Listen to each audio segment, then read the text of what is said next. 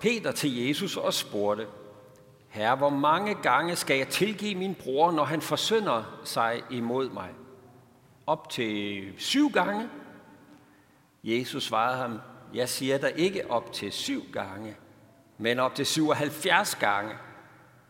Derfor, himmeriget ligner en konge, der ville gøre regnskab med sine tjenere. Da han begyndte på regnskaberne, blev en, der skyldte 10.000 talenter ført frem for ham. Da han ikke havde noget at betale med, befalede hans herre, at han og hans kone og børn og alt, hvad han ejede, skulle sælges og gælden betales. Men tjeneren kastede sig ned for ham og bad.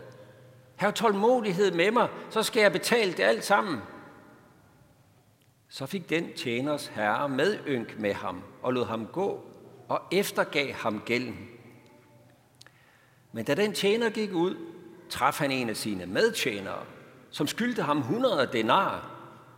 Og han greb ham i struben og sagde, betal hvad du skylder. Hans medtjener kastede sig ned for ham og bad, hav tålmodighed med mig, så skal jeg betale dig. Det ville han ikke, men gik hen og lod ham kaste i fængsel, indtil han betalte, hvad han skyldte. Da hans medtjenere nu så, hvad der var sket, blev de meget bedrøvet og gik hen og forklarede deres herre alt, hvad der var sket. Der kaldte hans herre ham for sig og sagde, du onde tjener, al den gæld eftergav jeg dig, da du bad mig om det. Burde du så ikke også forbarme dig over din medtjener, ligesom jeg forbarmede mig over dig? Og hans herre blev vred og overlod ham til bødlerne, indtil han fik betalt alt, hvad han skyldte. Sådan vil også min himmelske far gøre med hver eneste af jer, der ikke af hjertet tilgiver sin bror. Amen.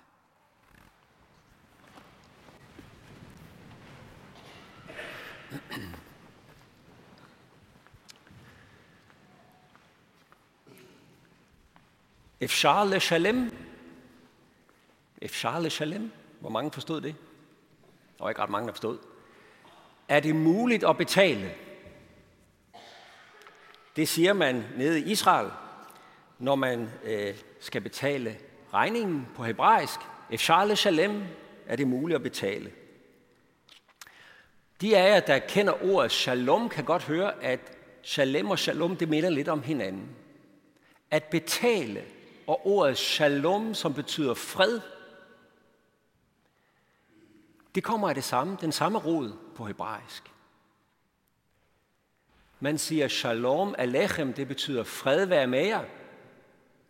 Efshar shalem er det muligt at betale. I godt høre, at shalom og shalem har med hinanden at gøre. Hvad har betaling med fred at gøre? Hvordan er de to ord, hvordan er de noget med hinanden at gøre på hebraisk? Se, shalom, fred, det betyder egentlig helhed. Helhed. At der ikke er noget, der er gået i stykker. At der ikke er nogen brudte forhold. At der ikke er nogen, der har taget bidder af freden og helheden ved at stjæle eller ved ikke at betale noget, de skyldte for eksempel.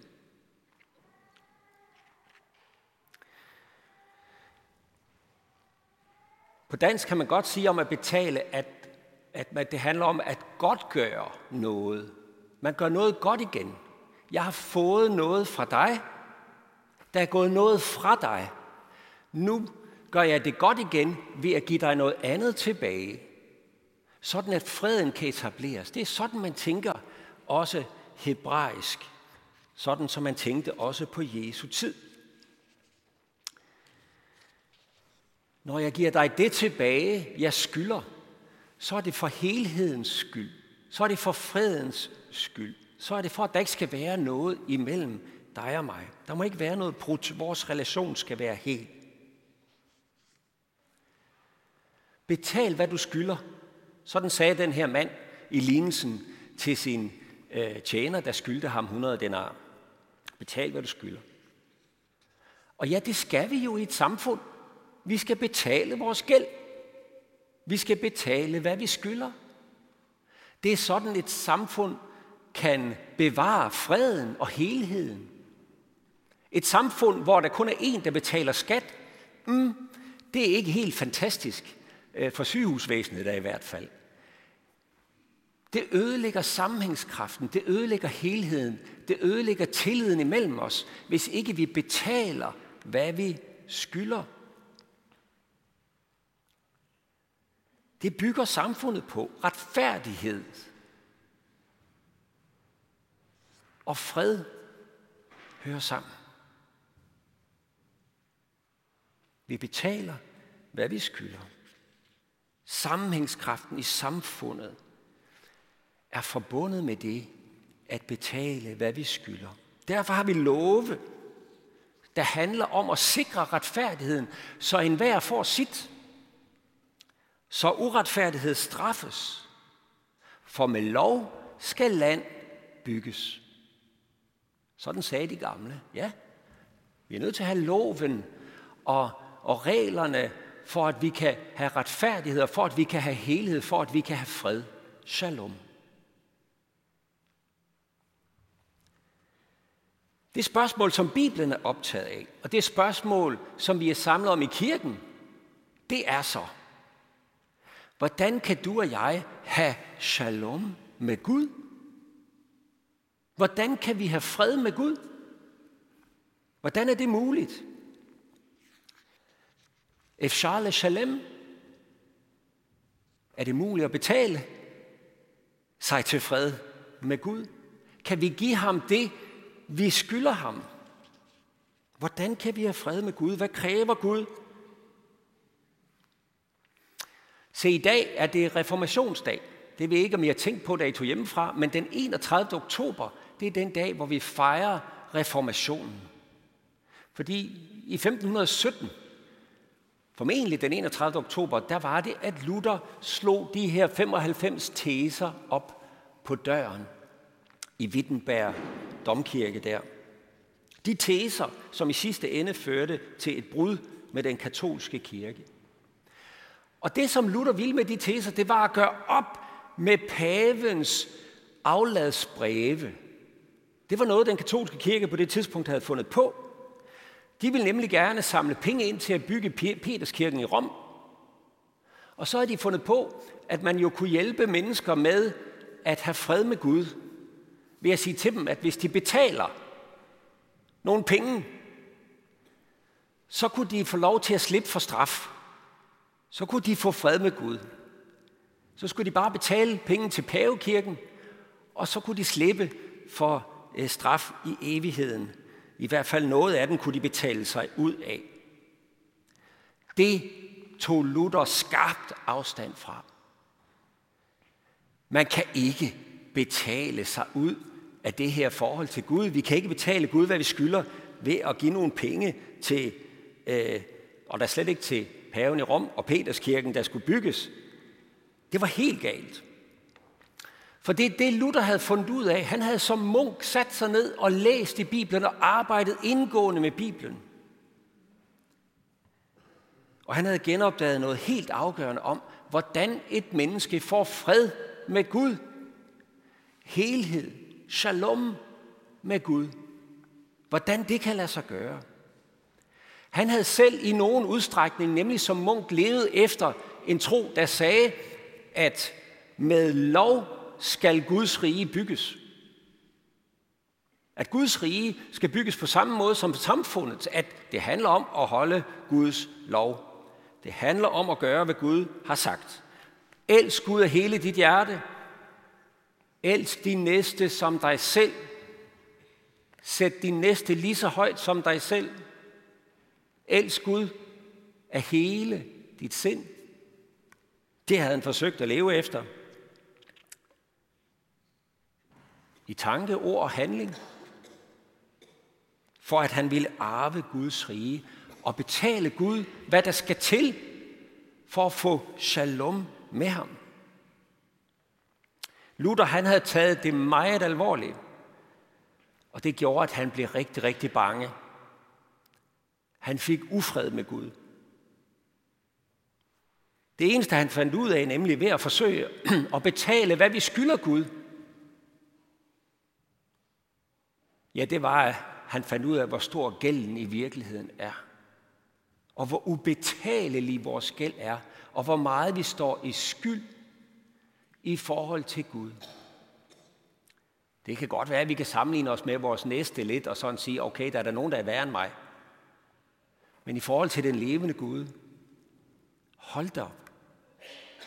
Der stod Luther afklædt. Han fandt ud af, at hvis man skulle gå lovens vej, ja, så, og Gud han måtte være retfærdig, så var han fortabt. Så var der ikke noget at gøre. Så var Luther fortabt.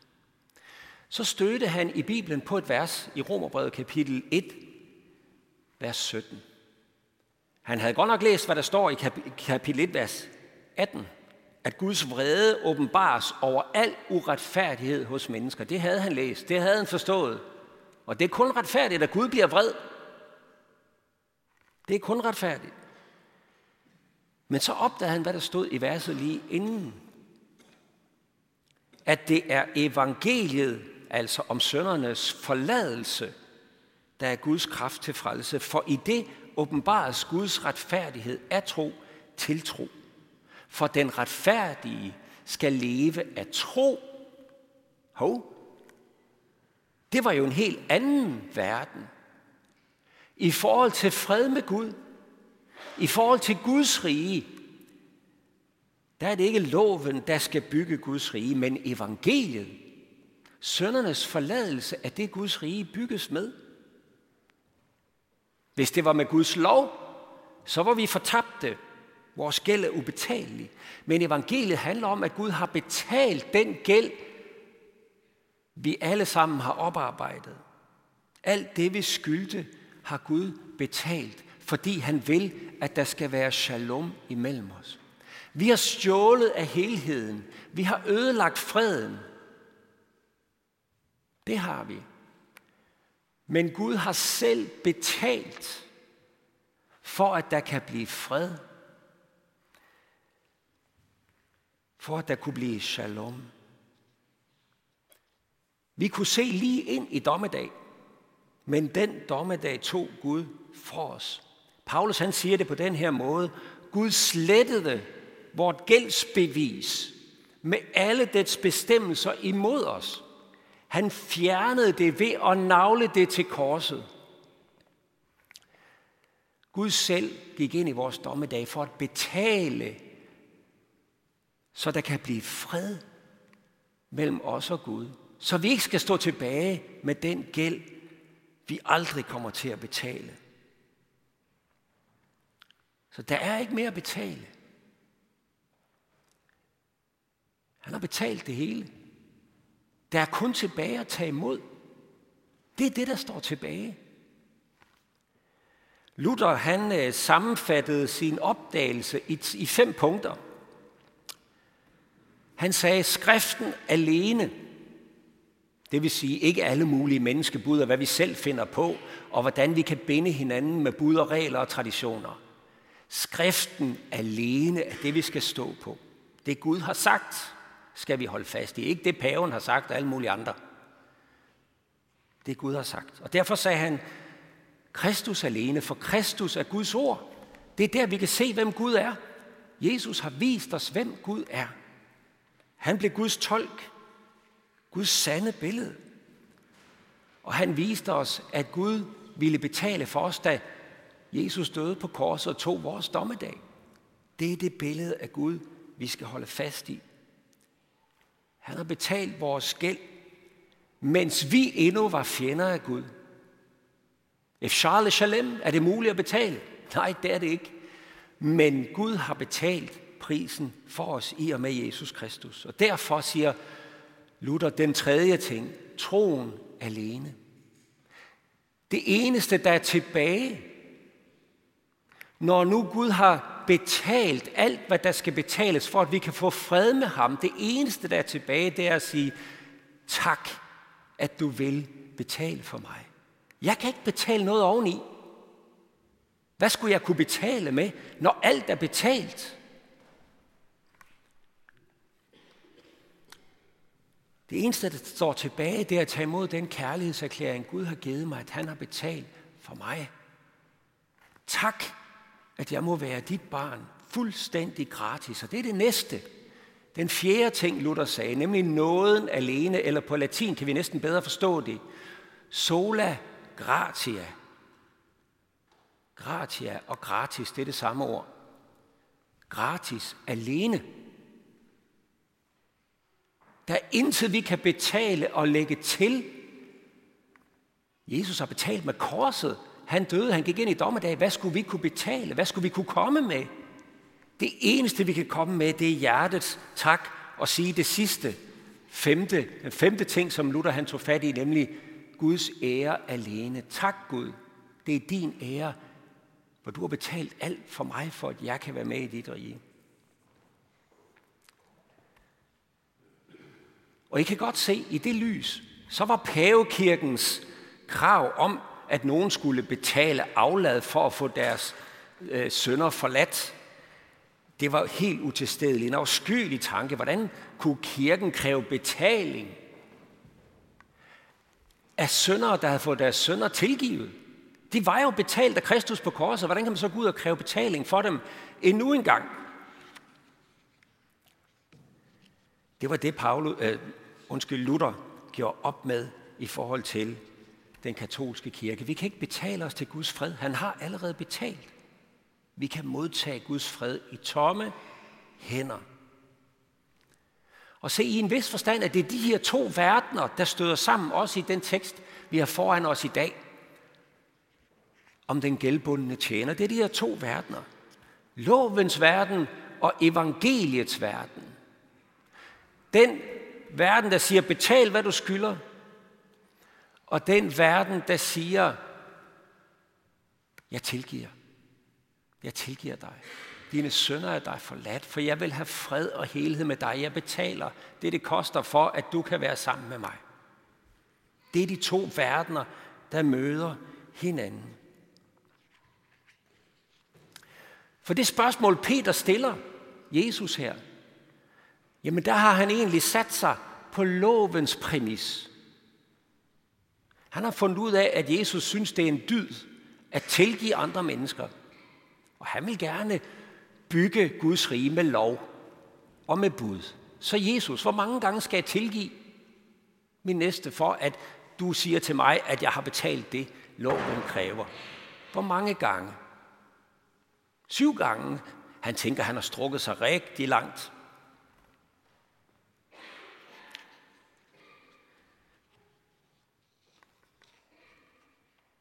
Hvor langt skal jeg gå? for at gøre det, Gud kræver. For at betale med min kristelighed. Det er det spørgsmål, Peter stiller. Og når han vil gå lovens vej, så får han det svar af Jesus. Jamen, så må du jo elske, som Gud elsker. Hvis du vil gå lovens vej, så må du elske, som Gud elsker. Ubegrænset. For det er jo det, den her lignelse handler om. Hvordan Gud elsker os. Han er jo den gode konge, der tilgiver. Han er den gode konge, der har set vores ubetalelige gæld. 10.000 talenter her i lignelsen, det svarer til 200.000 års lønninger. Altså det, man kan tjene på 200.000 år på en almindelig årsløn. Det er den gæld, den mand her har i lignelsen. Det er ikke småpenge. Og han siger, åh, have tålmodighed med mig, jeg skal nok betale tilbage. Bare vent lidt, kære herre, så skal jeg nok betale. Jeg skal nok være god, jeg skal nok gøre det rigtige, Gud. Bare du lige venter lidt, jeg skal nok løfte mig. Ikke? Jamen, der, gælden er så stor, at du aldrig kommer ud af den. Og nu står så den her mand som en slags Jesu disciple, har fået alt tilgivet. Der er intet, du kan betale med. Og så er spørgsmålet så, vil du gå ind på lovens vej og sige, Gud, hvad kan jeg betale med? Er det den målestok, du vil måle din næste med? Eller vil du blive stående i evangeliets verden? Er det den målestok, du vil måles med? Vil du, at Guds rige skal bygges på loven? Betal, hvad du skylder. Eller vil du, at Guds rige skal bygges på evangeliet. Søndernes forladelse. For hvis du vil det sidste, så nytter det ikke noget at spørge, hvor mange gange skal jeg tilgive min næste. Så handler det ikke om dig og hvor god du er, og hvor meget du nu kan tilgive. Men så handler det jo om at stå i tilgivelsens rige. Og tage imod det, Gud har givet. Og give videre den tilgivelse, lige sådan som du har fået den. Sådan som vi får lignelsen her, så kan vi jo godt forstå, at det er skammeligt, at en mand, der har fået tilgivet så meget, han bagefter ikke kan tilgive så meget. Det forstår vi umiddelbart. Selvom vi jo nok må sige, at i den her verden vil det være retfærdigt nok, hvis vi siger til den, det du skylder, skal du betale. Den, der skylder os noget. Men i Guds rige, når vi står for den erfaring, at vi har fået alt tilgivet, og vi har modtaget det kvitterfrit, så kan vi ikke stille os tilbage i loven og sige til vores næste, Nå ja, jeg har godt nok fået alt tilgivet, men ved du hvad, du skylder mig godt nok. Du lever ikke som en god kristen. Hold da op.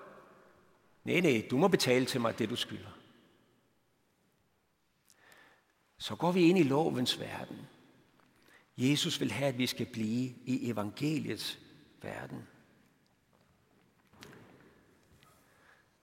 Kærligheden til øh, og viljen og mod til at møde andre med tilgivelse igen og igen. Ja, det kommer af den erfaring, at vi selv er blevet mødt med tilgivelse og barmhjertighed. Og den erfaring, den er tilgængelig for et hvert menneske, der vil se sig selv i øjnene og sin gæld, og så se, at den er ubetalelig, og tage imod tilgivelse fra vores himmelske far. Gud mødte os med tilgivelse. Det kostede ham dyrt.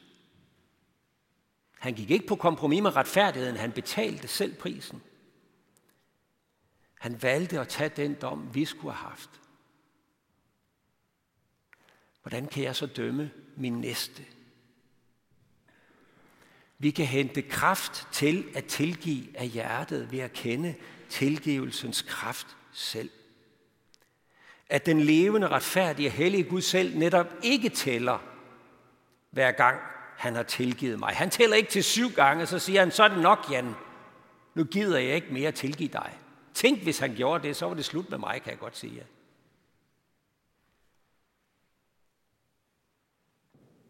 Når han tilgiver, så visker han tavlen ren. Så langt som Østen er fra Vesten, har han fjernet min skyld fra sig. Han tilgiver ikke bare for at vise os et forbillede eller sin overlegenhed, fordi han kan, men fordi han vil være sammen med mig, han vil nå mig. Han vil have, at der skal være shalom mellem ham og mig. Og mellem mig og min næste, for sådan er Guds rige. Det skal bygges med nåden som målestok. At være kristen, det er at være med i den proces, Guds fredsproces. Det er at se sin skyld tilgivet. Se skylden blive løftet af mine skuldre, og så leve i fred med Gud og med min næste. Og se, hvordan tilgivelsen også kan hele og rejse min næste op, så der bliver fred. Sådan er Guds rige. Og sådan er det, fordi Gud elsker. Bare fordi han elsker. Shalom Alechem. Fred være med jer. Lov og tak og evig ære være dig, vor Gud, Fader, Søn og Helligånd, du som var, er og bliver en sand treenig Gud, højlovet fra første begyndelse, nu og i al evighed. Amen. Og så vil vi rejse